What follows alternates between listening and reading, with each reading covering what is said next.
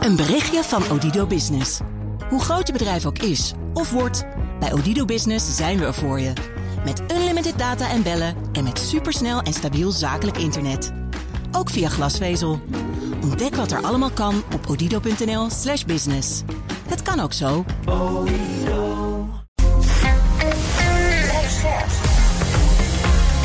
BNR Nieuwsradio. BNR breekt. Ivan Verrips. Goedemorgen en welkom. Vanaf half twaalf praat ik over het nieuws van de dag. Bij steeds meer bedrijven krijgt personeel een extraatje van de werkgever vanwege de hoge inflatie. Maar dat is dan wel eenmalig. En opnieuw treinennieuws, want de Nederlandse spoorwegen gooien de prijs van losse treinkaartjes flink omhoog. Maar moest openbaar vervoer niet juist goedkoper worden? Dat allemaal eh, vandaag met mijn twee panelleden. Te weten Jasmin Ait Abdurrahman, voorzitter van FNV Young United. Goedemorgen. Goedemorgen. Fijn dat je er bent. En Victor Pak, journalist bij EW. Goedemorgen. Goedemorgen. We gaan beginnen met. BNR breekt. Breekijzer. En het breekijzer heeft te maken met energiesteun. Net om 11 uur is een eh, ronde tafelgesprek in de Tweede Kamer begonnen over de impact van de hoge energieprijzen op industrie en bedrijven. Nou, deze maand is de tegemoetkoming energiekostenregeling ingegaan. Alhoewel die pas vanaf ergens begin volgend jaar gaat uitbetalen. Maar goed, eh, de Nederlandse Bank gaat vandaag zeggen in de Kamer dat eh, met steun ook bedrijven worden geholpen die misschien helemaal niet meer levensvatbaar zijn, schrijft de Telegraaf. En hé, hey, waar kennen we dat nou van? Ja, precies uit de, de coronatijd. Volgens energieanalisten blijft de energieprijs nog jaren hoog. En dat roept de vraag op hoe lang de overheid door moet gaan met het helpen van bedrijven. En ook met het helpen van bedrijven die misschien zonder die hulp ja, het helemaal niet gered hadden. En daarom is ons breekijzer vandaag. Geef alleen energiesteun aan toekomstbestendige bedrijven. Wat vind jij? Laat uh, als ondernemer eerst maar eens zien dat je bedrijf gezond is voordat je je hand ophoudt. Of moet de bewijslast misschien andersom liggen? En moet de staat dan aantonen dat jij niet toekomstbestendig bent? Maar ja, hoe dan? Of vind je dat die steun voor iedereen beschikbaar moet blijven? Immers maatwerk. Daar is onze overheid niet zo heel goed in. Nou, laat van je horen wat je ervan vindt, ook als je er zelf mee te maken hebt. 020 468 4x0 is ons telefoonnummer. Ons breekijzer dus. Geef alleen energiesteun aan toekomstbestendige bedrijven. En ons telefoonnummer 020 468 4x0. Je kan ook van je laten horen via Instagram. Daar heten we BNR Nieuwsradio. In de stories kan je stemmen. Over een minuutje of twintig krijg je dan een tussenstand van me. En zometeen hoor je hoe mijn panelleden erover denken. Maar ik begin bij Michiel Hordijk, directeur van het IMK, Instituut voor Midden- en Kleinbedrijf. En Anton Wiggers, hij is bedrijvendokter en partner bij Themis Company. Goedemorgen. Goedemorgen. Michiel, ik begin maar even bij jou. Uh, ons breekijzer. Geef alleen energiesteun aan toekomstbestendige bedrijven. Wat vind jij? Michiel vindt niks. of zijn telelijn ook niet. Nou, dan gaan we hem even bellen op de telefoonlijn. En dan gaan we naar Anton, uh, nu je er toch bent. Fijn. Uh, geef alleen energiesteun aan toekomstbestendige bedrijven. Nee, geef alleen steun aan bedrijven die dit echt nodig hebben. Oké, okay, maar dat kunnen ook bedrijven zijn die misschien anders om zouden vallen? Dat zou kunnen. Daar ja. gaan we het zo over hebben. Ja, nou ja, ja, ligt er maar een beetje toe als je wil. Ja, dat kan ik wel doen. Ja, um, ja we hebben in onze, in onze klantenbestand een aantal klanten uh, die echt uh, in, in de problemen zijn gekomen. Bijvoorbeeld door de energieverhoging. Uh, maar je moet ook goed kijken naar de gevolgen die zeg maar, het met zich meebrengt als bepaalde bedrijven uitvallen. Ik zal een voorbeeld geven. Mm -hmm. Een grote klant van ons is een grote industriële wasserij die ook voor ziekenhuizen de was schoonmaakt, zeg maar, handdoeken, maar ook operatiekleding en ook de lakens en slopen. Nou, als dat bedrijf morgen om zou vallen, en dat bedrijf heeft enorm veel uh, hoge energiekosten vanwege het feit dat het was en drogen heel veel energie kost, dan komen daarmee direct een aantal ziekenhuizen stil te liggen. Mm -hmm. En de vraag is of hij dat wil. Dus je moet gaan kijken naar de gevolgschade in de eerste plaats. Twee, zijn bedrijf in staat om de steun terug te betalen? Is het een gift of niet? En als de bedrijven dat niet kunnen terugbetalen, is die vraag direct beantwoord. Dan zijn ze niet toekomstbestendig. -hmm. Dus eigenlijk vind je dat dat wel belangrijk is, hoor ik zo.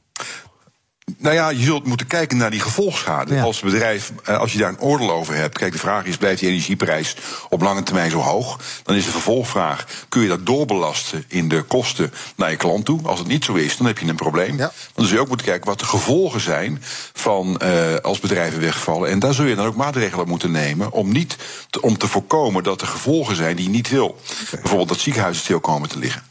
Genuanceerd antwoord dus. Ik ben heel benieuwd hoe Michiel Hordek erover denkt. Van het IMK geef alleen energiesteun aan toekomstbestendige bedrijven. Wat vind jij, Michiel? Ja, daar, daar, zijn wij het wel mee eens. Het gaat, in de, het gaat eigenlijk in eerste instantie toch ook om inderdaad de ontwikkelingen die er in een sector, uh, die er in een sector plaatsvinden. En uh, ja, vervolgens moet dan zeker voor de kleine ondernemers, waar wij vooral voor, uh, uh, voor, voor kijken qua levensvatbaarheid, uh, gaat het er ook om individueel. Hoe ga je om met die ontwikkelingen? Mm -hmm. En verhoog je inderdaad, dus als je het inderdaad, zoals Victor zegt, bijvoorbeeld kun je die prijs doorberekenen, maar doe je dat inderdaad ook? En we zien toch ook bij veel ondernemers dat die dat nog, nog, nog laten hangen en ja, eigenlijk nog afwachtend zijn op wat de ontwikkelingen gaan worden. Ja. Dat is de ene kant. Aan de andere kant zijn er al een tijd natuurlijk ontwikkelingen in sectoren qua digitalisering, qua verduurzaming, qua nou ja, veranderingen eigenlijk voor de uh, productie en voor de dienstverlening.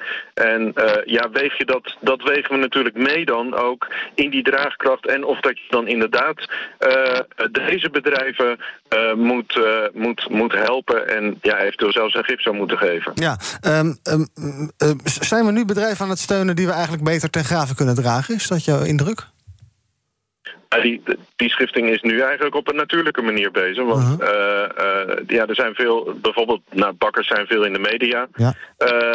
er zijn veel verhalen over in de media. En ja, daar zie je dus inderdaad gebeuren dat, dat die nu omvallen. Er zijn wel meer ontwikkelingen in, het hele, in de hele bakkerssector al, al een aantal jaren gaande. Ja. dus voor, voor, voor sommige bakkers zal dit ook de druppel zijn die, ja, die het bedrijf doet beëindigen. Ja, en is die energiesteun dus eigenlijk helemaal niet zo heel erg relevant. Um, uh, jij zegt, maar er is nu nog geen energiesteun natuurlijk, nee. want die komt pas, die komt pas later. Die gaat dus pas vandaar dat, in dat het nu op een natuurlijke manier gebeurt. Ja, exact. Um, uh, nog eventjes over dat door, doorbelasten van hogere prijzen. Daarvan zeg je, ja, dat moet je eigenlijk wel doen. Maar ja, je zal wel gek zijn als je de eerste bent in je sector, toch? Want dan holt iedereen naar je collega's toe. Um, ja, dat heeft, dat heeft toch wel meerdere kanten. Dus uh, uh, we hebben dat bijvoorbeeld laatst ook bij, dan, ook bij, bij kappers. Die zitten met, uh, ook met personeelstekorten. Het is niet alleen de energie. Hè. Er, zijn, er zijn veel meer crisis op dit moment, op dit moment gaande. En dan, blijft, dan kan een ondernemer toch te lang blijven hangen eigenlijk aan wat hij denkt dat zijn klant, hoe zijn klant zal gaan reageren.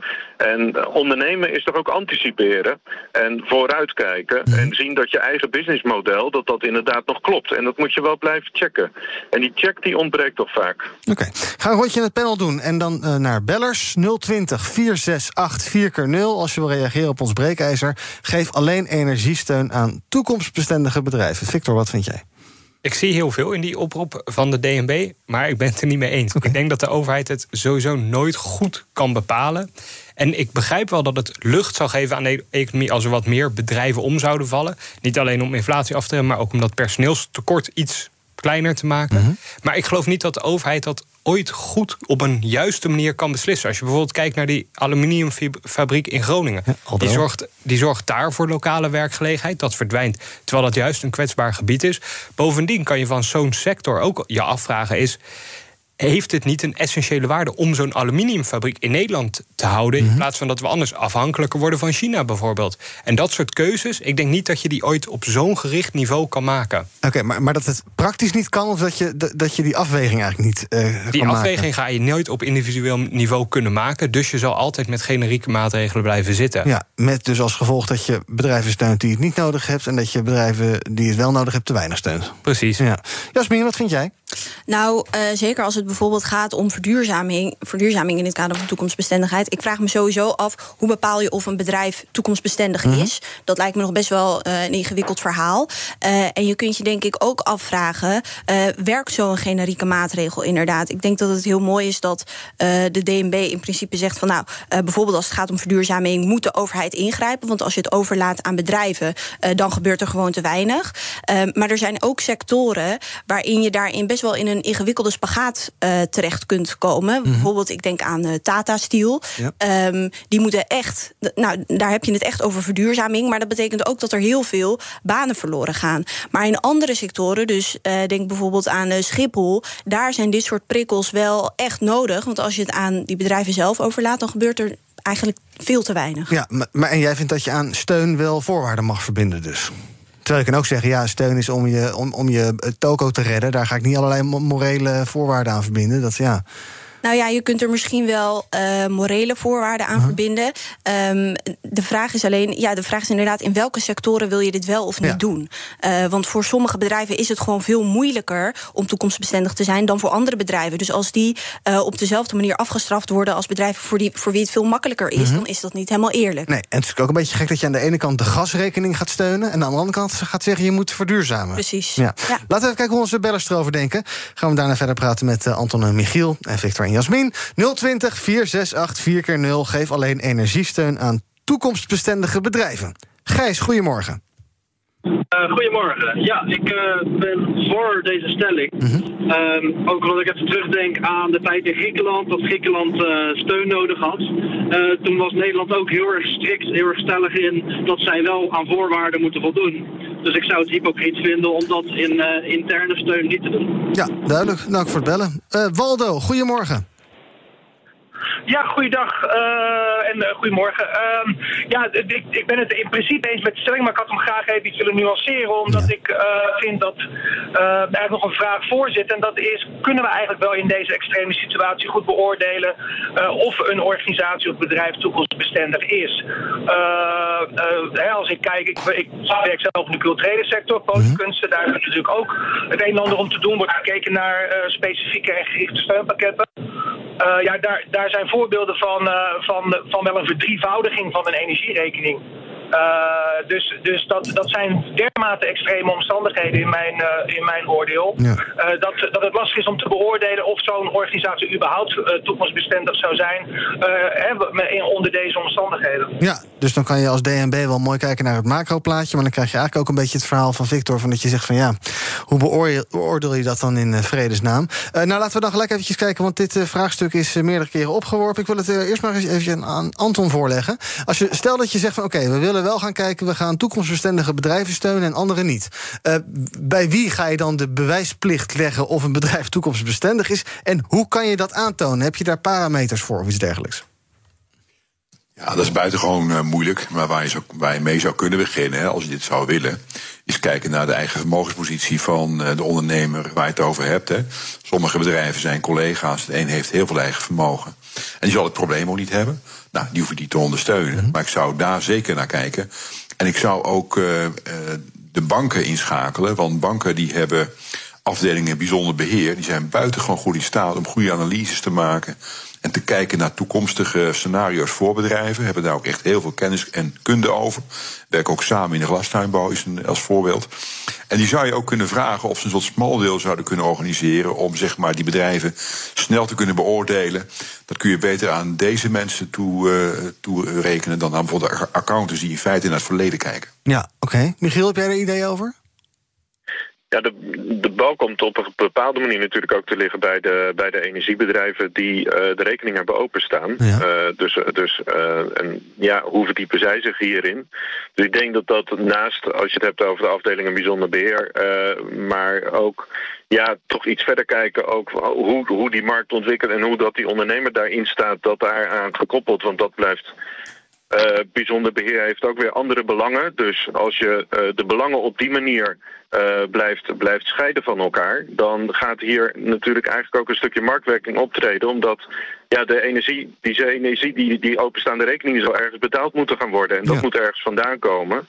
En daar kan ook de steun van de overheid zich aan de andere kant weer op richten. Ja, daar zitten dus wel uh, genoeg uh, datapunten in. Um, uh, we, we, hebben ook de afgelopen dagen de verhalen, bijvoorbeeld vorige week bij RTL Nieuws, die zei ja, eigenlijk zijn er maar weinig ondernemingen die echt worden geholpen met die huidige energiesteun, die formeel 1 november ingaat, maar pas vanaf 1 april opengesteld wordt en dan met terugwerkende kracht. ING had eergisteren nog een rapport over de energieprijzen die nu een beetje aan het teruglopen zijn, maar volgend jaar waarschijnlijk weer wat gaan stijgen. En zij zeiden ook van ja, bedrijven in de chemiesector, kunststofsector, basismetaalindustrie, die zullen gewoon vaker uh, hun productie uh, deels moeten stoppen. Michiel, ben je eigenlijk enthousiast over dat energiestempakket dat er nu is? Of is het een beetje een soort ja, leuk bedacht, maar werkt niet? Ja, ik denk dat het leuk bedacht is, maar het werkt niet. Uh, want in de tussenliggende periode moet er toch iets opgevangen gaan worden. Als daar geen voorschotten voorkomen, dan red je uh, de uitkering niet. Uh -huh. Los daarvan, uh, als je bijvoorbeeld kijkt naar de, naar de slagers die al vaak al ja, verbeteringen in gang hebben gezet, die komen nooit aan die 12%, terwijl het stikt van de koelcellen in, in, in zo'n onderneming. Dus die komt er ook niet aan. ja, dan heb je het dus wellicht over de hele grote ondernemingen die dus inderdaad op dat, op dat energieniveau zitten. Uh, ja, die daar dan baat bij zouden kunnen hebben. Maar voor de, voor de kleine ondernemers gaat dit in ieder geval niet een werkende regeling worden. Victor? Zou, je, zou de overheid nou niet gewoon in plaats van weer zo'n regeling te bedenken die dan uiteindelijk niet werkt. Gewoon de algehele voorwaarden voor het ondernemersklimaat kunnen verbeteren. Met het geld dat ze dan in plaats van in zo'n regeling te steken, in dat ondernemersklimaat steken. Want de last voor ondernemen wordt Belasting, weer. Belastingverlaging bijvoorbeeld. Ja, uiteindelijk komt het daarop neer natuurlijk. In plaats van weer een regeling bedenken die dan eigenlijk voor niemand echt werkt. Verlaag dan, weet ik veel, belastingen die ondernemers nu wel moeten betalen. Anton? Die zijn weer verhoogd natuurlijk. Anton, zou dat een goed idee zijn? Nou ja, je betaalt natuurlijk feitelijk belasting over de winst die je maakt. En ja. als je in een probleem zit, maak je meestal geen winst. Hè, dat in de eerste plaats. En wat je dan zou kunnen doen, is met de, B, met de BTW iets uh, gaan doen. Daar is er al heel veel gebruik van gemaakt. Er zijn heel veel bedrijven daardoor in grote liquiditeitsproblemen gekomen. We hebben heel veel bedrijven waar we gewoon mee, momenteel zaken mee doen. Die je moeten helpen, omdat ze zeg maar, in feite niet in staat zijn om de verplichtingen die ze zijn aangegaan terug te betalen. Mm -hmm. Dus ik denk dat je dan uh, dat dat niet de oplossing is om het zo op te lossen. Fiscale weg, via de vennootschapbelasting, dan moet je winst maken voordat je zeg maar überhaupt iets kunt doen. En deze bedrijven maken in de regel geen winst. BNR breekt. Ivan Verrips. Met in mijn panel vandaag Jasmin Ait Abderrahman, voorzitter van FNV Jongen United. Victor Pak, journalist bij EW. En ook bij me zijn Michiel Hoordijk van het IMK, Instituut voor Midden- en Kleinbedrijf. En Anton Wiggers, bedrijvendokter, partner bij Themis Company. We praten over ons breekijzer. Geef alleen energiesteun aan toekomstbestendige bedrijven. Wil je reageren? Pak je telefoon en bel nu naar 020 468 4 keer 0 En doe dat ook ongeveer nu, want we praten er nog een minuutje of vijf over. Een ervaringsdeskundige, Jan Kok, goedemorgen. Ja, goedemorgen. Het volgende. Ik heb bijvoorbeeld in de corona... Ik heb een klein autoschadeherstelbedrijf. -hmm. Ik heb in de coronaperiode geen steun gevraagd. Want ik vond uit sociaal oogpunt dat de horeca daar veel meer recht op had. Want wij konden in principe licht doordraaien. We zijn er wel door geraakt. Maar uiteindelijk uh, hebben we straks met de energie... Uh, transities hebben we wel hele zware problemen. Want die spuitcabines draaien op gas. Mm -hmm. En uh, ja, als klein bedrijf. En ze gaan terugkijken van ja, de afgelopen twee jaar heeft u niet zo goed gedraaid. Nee, dat is logisch, door die corona. Ja. Ik heb ook geen steun ontvangen. Ik heb wel uitstel van belastingen gekregen. Maar de minister die heeft besloten dat ik dat dus toch terug moet betalen. Wel mm -hmm. uitgesmeerd over vijf jaar, maar dat maakt niet uit. Maar nu is het zover dat we zwaar komen te zitten. En dan moet je juist geholpen worden. Ja. En niet dat ze zeggen van ja, maar anders dan gaat u het toch niet redden. Ja, natuurlijk wel. Als ik nu geholpen word, dan red ik het. Want ik heb het in de coronatijd ook gered. Ja. Alleen op een gegeven moment heb je geen vet meer op je botten. Nee. Zeg maar. En jij vraagt dat je is dus, het verhaal. En jij vraagt je dus ook af, uh, uh, die regeling die er dus nu is... die formeel per 1 november ingegaan is, daar heb je niet zoveel aan dan? Nee, nog niet. Nee. Maar als die straks komt, dan zou ik toch wel graag mee willen doen ja, daarin. Ja, ik, ik. ik hou het toch vier, vier gezinnen ja. uh, van de straat af. En dan zeggen jullie, ja, dat is een klein rotbedrijf. Nee, hoor, dat snap niet. ik ook wel. Maar een klein bedrijf houdt wel de economie draaien. Ja, zeker. En, maar goed, die komende zes maanden dan, tot die regeling open gaat, hoe dan? Nou goed, ik, ik kan het nog volhouden. Tot nu toe kan ik het nog volhouden. Maar ik moet nu straks ook die uh, belastingachterstand uh, terug gaan betalen. En, dat zijn, uh, ja, en dan gaat het, als dan tegen die tijd die energietransitie komt, ja, dan houden we het allemaal net vol. En dan komt het goed. Ik bedoel, niet vergeten, ons bedrijf draait al 35 jaar. Ja, en dan denk je, ja, dat zou geen toekomst hebben dan. Ja, wie bepaalt dat? Ja. Nou, ja, ik... en dan moet je vlak voordat je met pensioen gaat, moet je zeggen, ja, laat maar omvallen. Nee, dan heb ik niks meer. Heel goed. Hou vol, Jan. Ja. Succes, de zeker de komende zes maanden. Dank voor het bellen. Uh, meneer, Mag reageren? Uh, ja, zeker. Ja, Anton Wiggers. Uh, ja. ja, dit is een mooie vraag, een mooi vraagstuk. Want mijn vraag die ik dan eigenlijk heb aan u... Uh, wilt u dan steun uh, voor de kosten die u gemaakt heeft? Of zou u de schuld die u heeft om willen zetten in een mogelijkheid om duurzaam te investeren? Waardoor u in de toekomst ook minder energie kwijt bent. Dat zou nou een oplossing zijn voor de overheid om zo naar te kijken. Dus in feite die schuld kwijt te schelden en daarvoor terug te vragen dat u investeert in een duurzame oplossing. En vervolgens samen kunt kijken met uw accountant en misschien met die bank of hier een oplossing voor kunnen bedenken. Nou, meneer Kok. Dat lijkt, dat lijkt me een hele goeie. Dat lijkt me gewoon echt een goede. Kijk, dan, je moet toch die schulden terugbetalen. Maar als je daarentegen daar een, een verduurzaming kan, uh, kan vinden, in plaats van een subsidie in die vorm, maar dan ook daadwerkelijk bijvoorbeeld zonnepanelen op je, op je 400 vierkante meter dak mm ja, dan, dan, dan ben je echt geholpen. En dan doe je ook wat voor het klimaat. Nou. Want zo, zo, is het. Dat is wat die meneer zegt. Nee, dat vind ik een uitstekende oplossing. Nou, laten we hopen. Ja, er zitten nu in de Tweede Kamer dus allemaal in zo'n ronde tafelgesprek. Maar misschien kunnen we terugluisteren later, een podcast en dergelijke. Dank uh, Jan voor het bellen. Meneer Huigens, goedemorgen. Ja, goedemorgen. Uh, een mooi onderwerp, maar ik mis nog één toets. De toets is voor de toekomst. Het voorbeeld is genoemd van de, vuile was schoonmaken voor de ziekenhuizen. Als dat de enige is, of bijna de enige, dan moet je daar veel beter voor zorgen als dat er tien klaarstaan om dat te gaan doen. Mm Dus, daar dus we moeten op meer op de toekomst letten. Dat we ook over tien jaar die dingen nog hebben uh, die nodig zijn. Duidelijk, dank voor het bellen. Ik doe nog uh, twee, maximaal drie bellers. Even kijken. Uh, Jordan, goedemorgen. Goedemorgen. Zeg het maar. Ja, ik ben het eens met de stelling, omdat ik vind dat uh, bedrijven die geen toekomst hebben, die houden eigenlijk ook onnodig mensen vast die anders terug kunnen vloeien in de arbeidsmarkt. Mm -hmm. Die anders ingezet kunnen worden. Ja. En dat dat ook weggesmeten geld is om uh, belastingsgeld te geven aan mensen, aan bedrijven die uh, ja, sowieso geen uh, toekomstbestendigheid hebben. Duidelijk, dank voor het bellen. Die vraag ga ik zo nog even aan Jasmin van FNV voorleggen. Albert Jan, goedemorgen. Ja, goedemorgen. Zeg het maar. Ja, ik, ik, ik ben het, ik ben het uh, ook wel eens met de, met de stelling. En, en ik, ik wil er nog bij, bij, zeggen van dat ze veel beter uh, bedrijven uh, geld kunnen sponsoren. Zodat ze investeringen kunnen doen om überhaupt van het gas af te gaan. Of de energie helemaal naar beneden te blijven. En dan, dan zeg maar een, een goed plan voor 15, 20 jaar. Van oké, okay, hier heb je een miljoen. Je kan je gas, gas, gaspuitturbines kan je wegdoen. Ja. En dan kan je energiearm gaat doen. En dan geven we dat in vorm van een lening. Dan snijdt het mes aan twee kanten. Ja, dus goed kijken naar uh, verduurzaming ook. Dank voor het bellen. Jasmin, dat wil ik je ook nog even vragen. Uh, tijdens die coronapandemie hadden we de uh, NOW-steun. Mm -hmm. toen hebben we geïnvesteerd in het behouden van, de, van banen. Mm nou, nu worden er wellicht ook bedrijven omhoog gehouden... die anders misschien zouden omvallen. We zitten met een enorm personeelstekort. Hoe kijk je daar naar uit, uit dat oogpunt? Misschien zou het voor de economie wel goed zijn... Ja, als er ook wat, banen, wat mensen vrijkomen uit andere banen... die dan ergens anders naar de slag kunnen. Nou, als je mensen je hebt het eigenlijk over omscholing natuurlijk. Dus als je wilt dat mensen van de ene sector naar de andere sector uh, gaan, dat kan. Mm -hmm. Maar dat vraagt ook een investering, uh, vooral in omscholing. Als je het hebt over die NOW-regeling tijdens de coronacrisis. Ik ben natuurlijk van de jongere tak ja. van de FNV. Um, wat je daarin ziet, is dat uh, vooral jongeren daar eigenlijk helemaal niet zoveel. Die hebben daar eigenlijk niet zoveel aan. Dus je had die NOW-regeling tijdens de coronacrisis. Um, maar jongeren en studenten die vielen daar buiten. Mm -hmm. Toen kwam er op een gegeven moment een TOVA-regeling, speciaal voor studenten. Um, maar nog steeds heel veel jongeren die vielen daarin buiten de boot. Uh, omdat heel veel jonge mensen die zijn oververtegenwoordigd in flexwerk. En die werken dus onder contracten waarin ze helemaal geen hulp kunnen krijgen. Dus als je het hebt over omscholing, als je een flexcontract hebt, uh, dan moet jouw werkgever, die hoeft ook helemaal niet zoveel te investeren in jouw omscholing. Hm. Dus als we dat willen, dat kan. Maar dat, dat dan moeten we echt meer gaan doen uh, als het gaat om om- en bijscholen. Um, Anton, ik wil jou nog eventjes vragen. Ik sprak, besprak met, met Michiel die tech-regeling. Uh, is dat, heeft de sector daar iets aan? Michiel zei nou eigenlijk niet. Uh, wat vind jij? Ja, ik denk dat je dat echt, uh, echt niet sectoraal kunt bepalen. Mm. Ik denk als je het echt goed wil worden, moet je het echt op, uh, op bedrijfsniveau doen. Dat is gewoon erg lastig. Met generieke maatregelen, wat we ook eerder hebben gehoord. Dat is gewoon bijzonder lastig. Ik, ik zie heel veel mogelijkheden.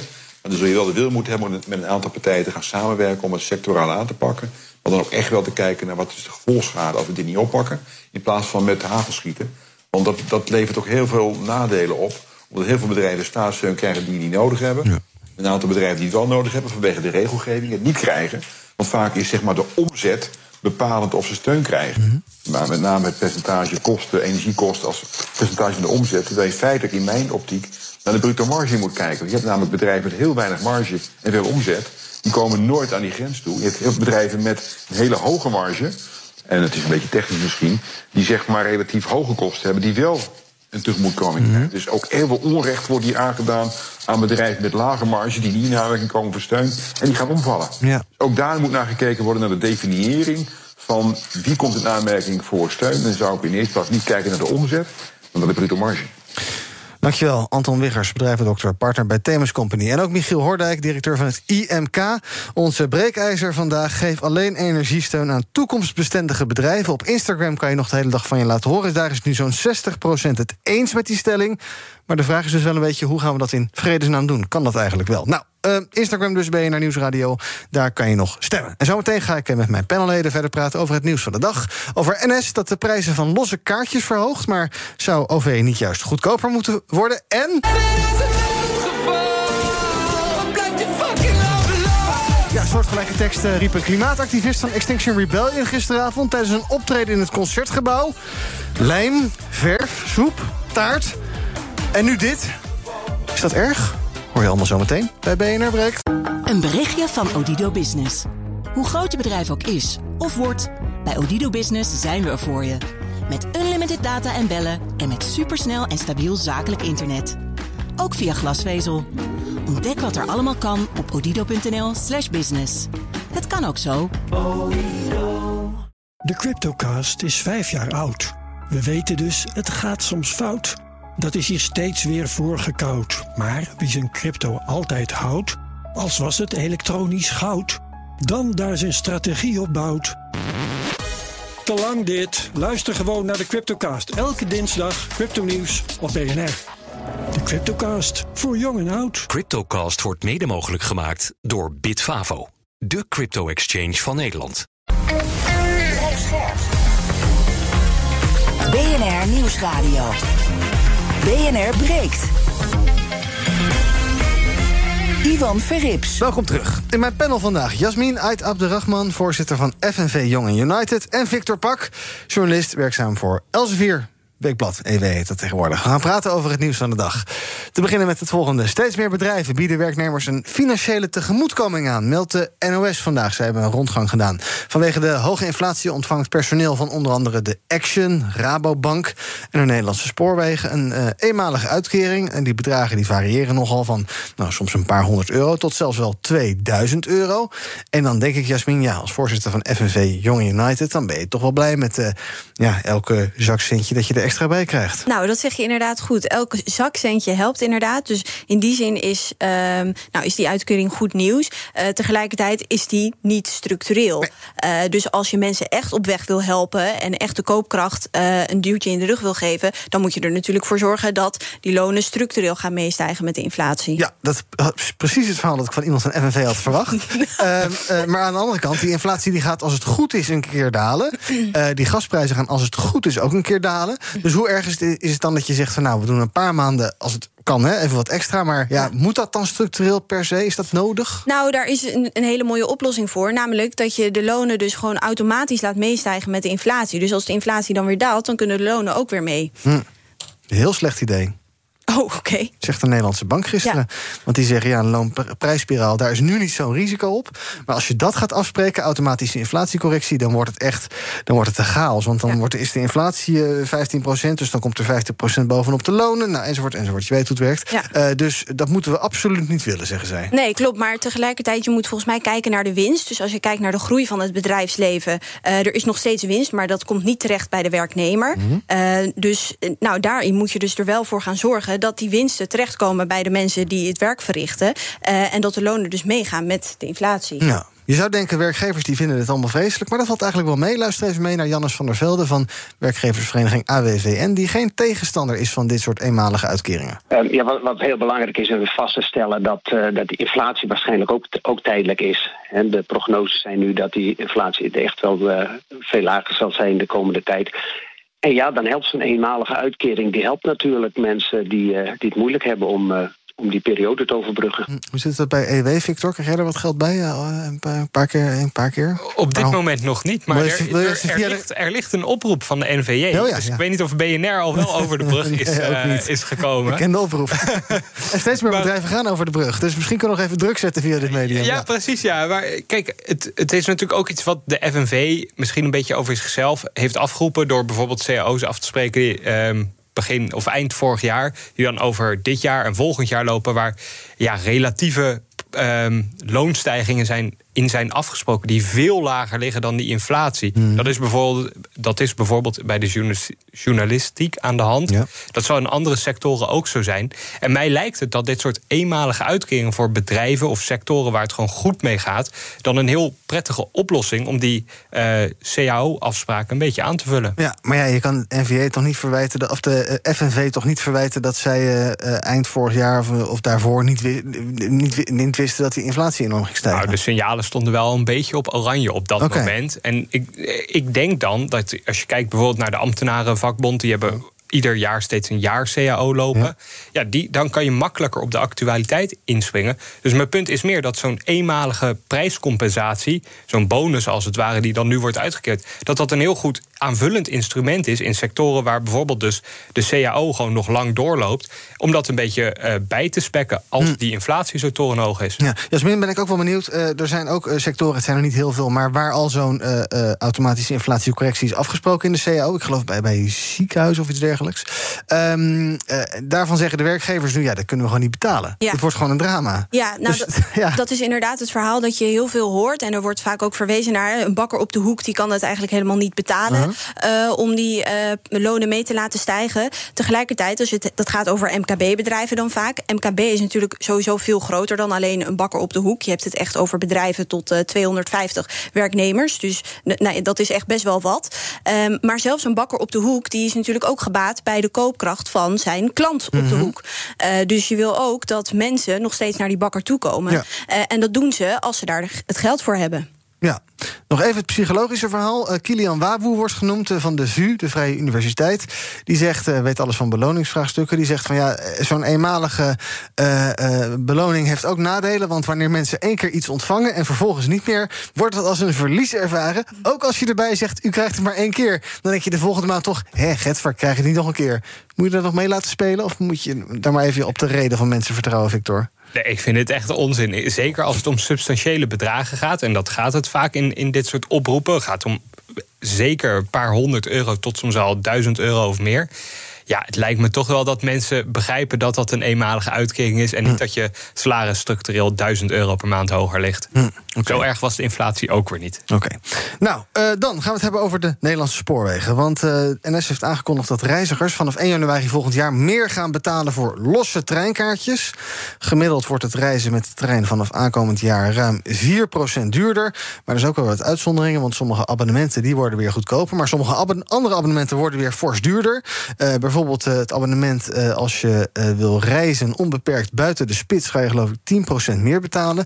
En dat terwijl, Jasmin, toch het idee was, we zitten in een soort transitie als het gaat om duurzaamheid en dergelijke. We proberen mensen uit de auto in het, in het OV te krijgen. Nou, dat is al niet zo'n lekker verhaal nu met treinen die niet rijden en dat soort zaken. En dan wordt het ook nog eens nog duurder. Ja, ik vind het inderdaad. Het is aan de ene kant heel, nou, best wel mooi dat die prijzen voor bijvoorbeeld abonnementen. dat dat in elk geval iets lager wordt. Maar ik begrijp de keuze niet zo goed om die losse kaartjes dan eh, duurder te maken. Want als ik een dagje weg wil. eh, en ik, heb, ik reis niet dagelijks met de trein. dan ga ik dus niet meer met de trein. Want een los kaartje is duurder. Maar dan pak ik eerder de auto.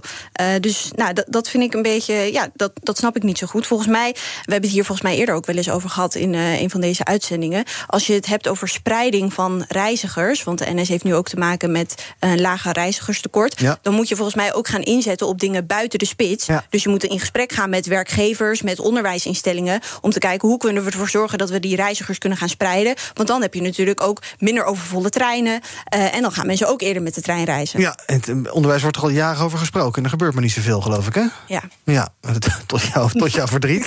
Nou Eh, ja, ja. Aan de andere kant, Victor, ja, de eh, inflatiecijfers, daar heeft NS ook ongetwijfeld mee te maken.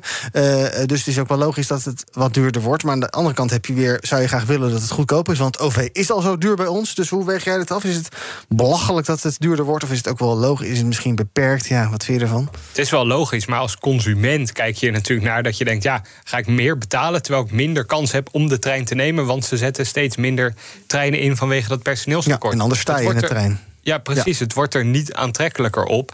En ja, de, de NS zal een afweging hebben gemaakt dat dit dan eh, een middenweg is. Ik begreep dat ze niet alles doorberekenen. Een deel komt uit eigen middelen. Maar ja, het wordt er niet beter op en zeker niet goedkoper. Nee. En volgens mij gaat het ook niet alleen om de prijs. Volgens mij is niet alleen die prijs wat het onaantrekkelijk maakt om te reizen, maar de treinen zijn overvol. Uh, er zijn personeelstekorten. Als je met de trein wil reizen, is de aansluiting vaak niet meer goed. Dus daar moet volgens mij iets aan gebeuren. Ja, er zijn zoveel verhalen. Ook weer een verhaal vandaag in de Telegraaf dat NS graag beveiligers wil gaan inzetten op treinen in de uh, avond en nacht. Wat dan het tekort aan de conducteurs moet compenseren. Maar daar is de branche dan weer niet zo blij mee. Want die zegt: ja, uh, NS, een staatsbedrijf, gaat nu beveiligers wegtrekken bij andere bedrijven. Die, dus gewoon commerciële tarieven moeten rekenen. Een beetje het, het verhaal op Schiphol. wat misschien zou kunnen helpen.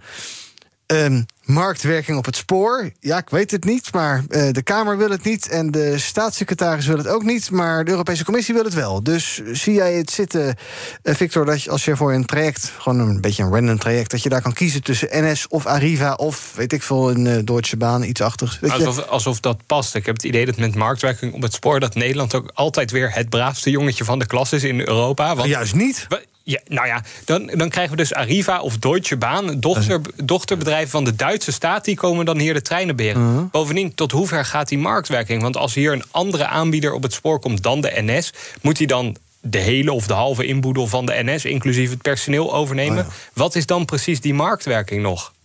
Dus jij ziet het niet zo zitten. Laat, laat het maar bij één partij die dan verder blijkbaar niet wordt uitgedaagd als het gaat om ja, dat, dat is wel een probleem. Ik snap niet zo goed dat de uh, staatssecretaris wilde helemaal geen onderzoek doen mm -hmm. naar marktwerking in, op de Nederlandse spoorwegen.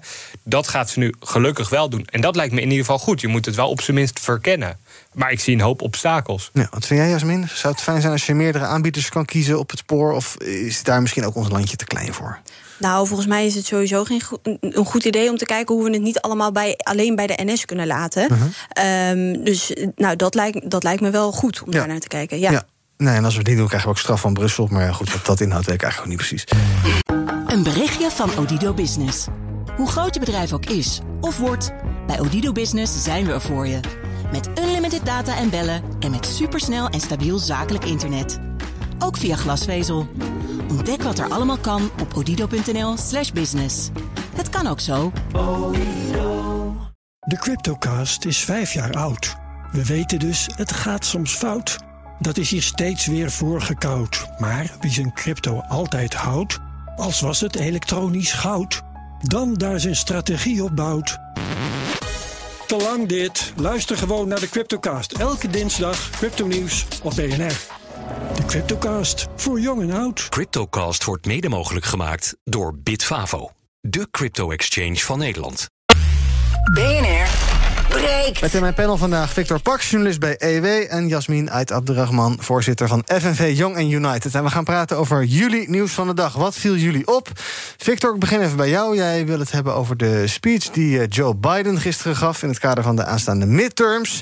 En hij zei, luister even mee... dat de Amerikaanse democratie onder druk staat. There are candidates running for every level of office in America. For governor, Congress, Attorney General, Secretary of State... who won't commit They will not commit to accepting the results of election that they're running in. This is a path to chaos in America. It's unprecedented. It's unlawful. And it's un-American. Victor, is die ellende met die rigged elections nou niet voorbij? Hou eens op daarmee, zeg. Nee, voorlopig niet, nee. Er staan honderden republikeinse kandidaten die zich inderdaad niet willen neerleggen, eventueel bij, bij de uitslag. Die zeggen ja, dat zie ik wel. En het is natuurlijk altijd hetzelfde verhaal. Kijk, als ik als ik win als kandidaat, ja, was het een schitterende verkiezing. Ik bedoel, ik win met zo'n overmacht, kan niet misgaan. Maar als mijn tegenstrever wint, ja, dan is er van alles fout. En het, het, dat Biden dit gebruikt eigenlijk als, als slotboodschap voor de kiezer. Die gaat dinsdag uh, naar de stembus. En er wordt nu ook al gestemd in heel veel staten. Is wel een opvallende keus. Want de kiezer zegt wel meestal dat hij zich wel zorgen maakt over de Amerikaanse democratie. Maar economie en inflatie, dat is toch een veel belangrijker probleem. Mm -hmm. En eigenlijk, ja, Biden doubles down nu op de, de veiligheid van de Amerikaanse democratie. En ik, ik vind dat een goede keus. Je ziet ook met de aanval afgelopen week uh, op de man van Nancy Pelosi, ja. maar Pelosi zelf, de voorzitter van het Huis van Afgevaardigden in de Verenigde Staten, wat, moest het slachtoffer worden van die aanval. Dat ja, heel veel mensen in Amerika die, die boeit het niet of ridiculiseren het. De zoon van Donald Trump die uh, maakte er een grapje over dat het zijn Halloween-kostuum zou zijn, de hamer waarmee de schedel van Pelosi's man werd ingeslagen dat zijn wel dingen die mijzelf ook veel zorgen baren. Vooral ook omdat je het ook in Nederland gaat zien. Dat de politieke cultuur ontspoord raakt, als het ware. Dat we politiek geweld gaan normaliseren of goedkeuren zelfs.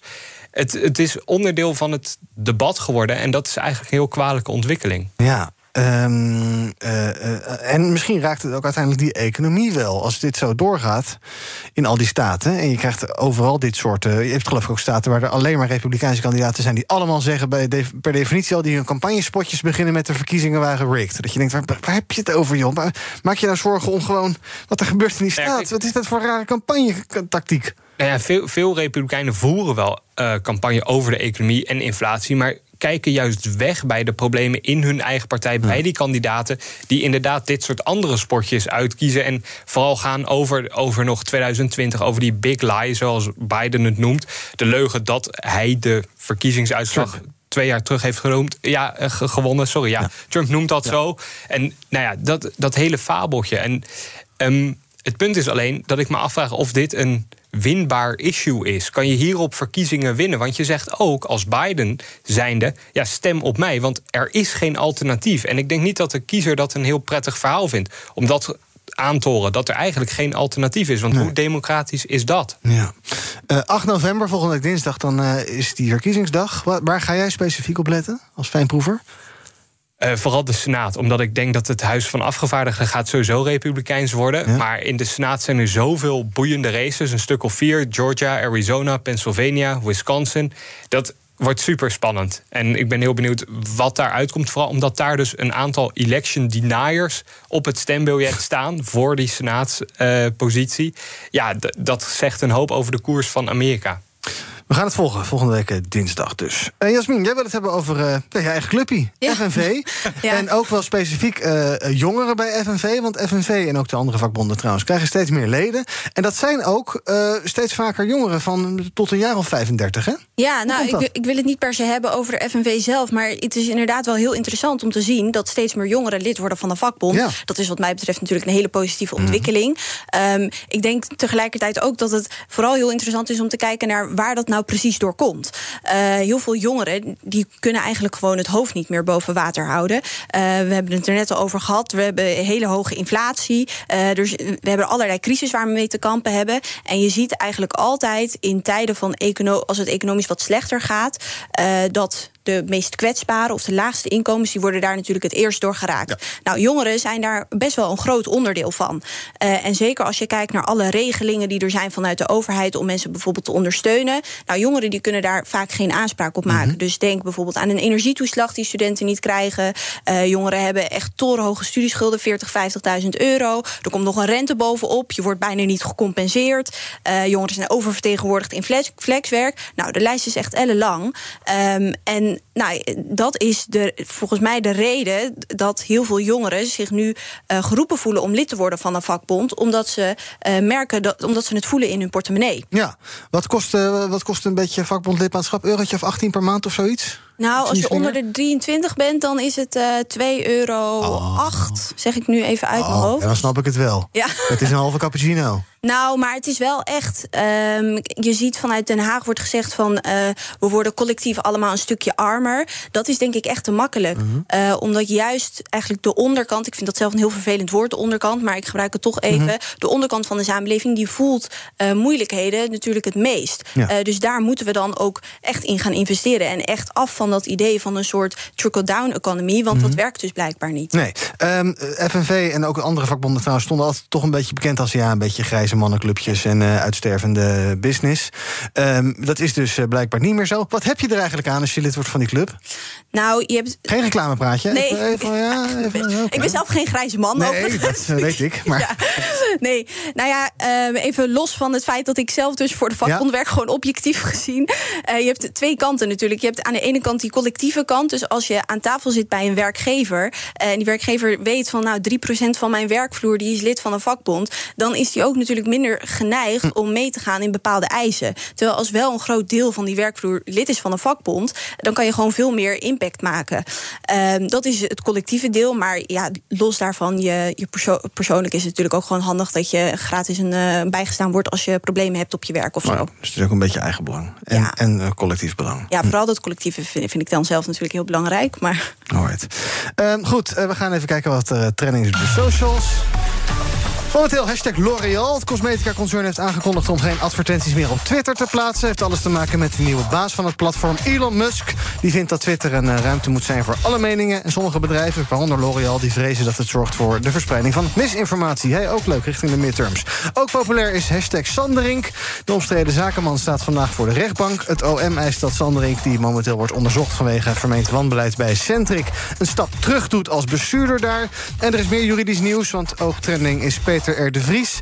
De rechtbank in Amsterdam heeft bepaald dat de hele rechtszaak... tegen de twee uitvoerders van de moord op de misdaadjournalist... opnieuw moet worden behandeld. De reden daarvoor is het vertrek van een van de rechters die de zaak behandelde. En als ook maar één procespartij dan vindt dat het opnieuw moet... dan moet het dus opnieuw gaan gebeuren. En nog een schokkend nieuwtje uit het VK. Daar zijn vanaf nu ook dozen Celebration chocolade verkrijgbaar zonder bounty. Ik vind het persoonlijk heel erg naar nieuws. Tot slot, stel je zit even lekker te genieten van Verdi in het Concertgebouw.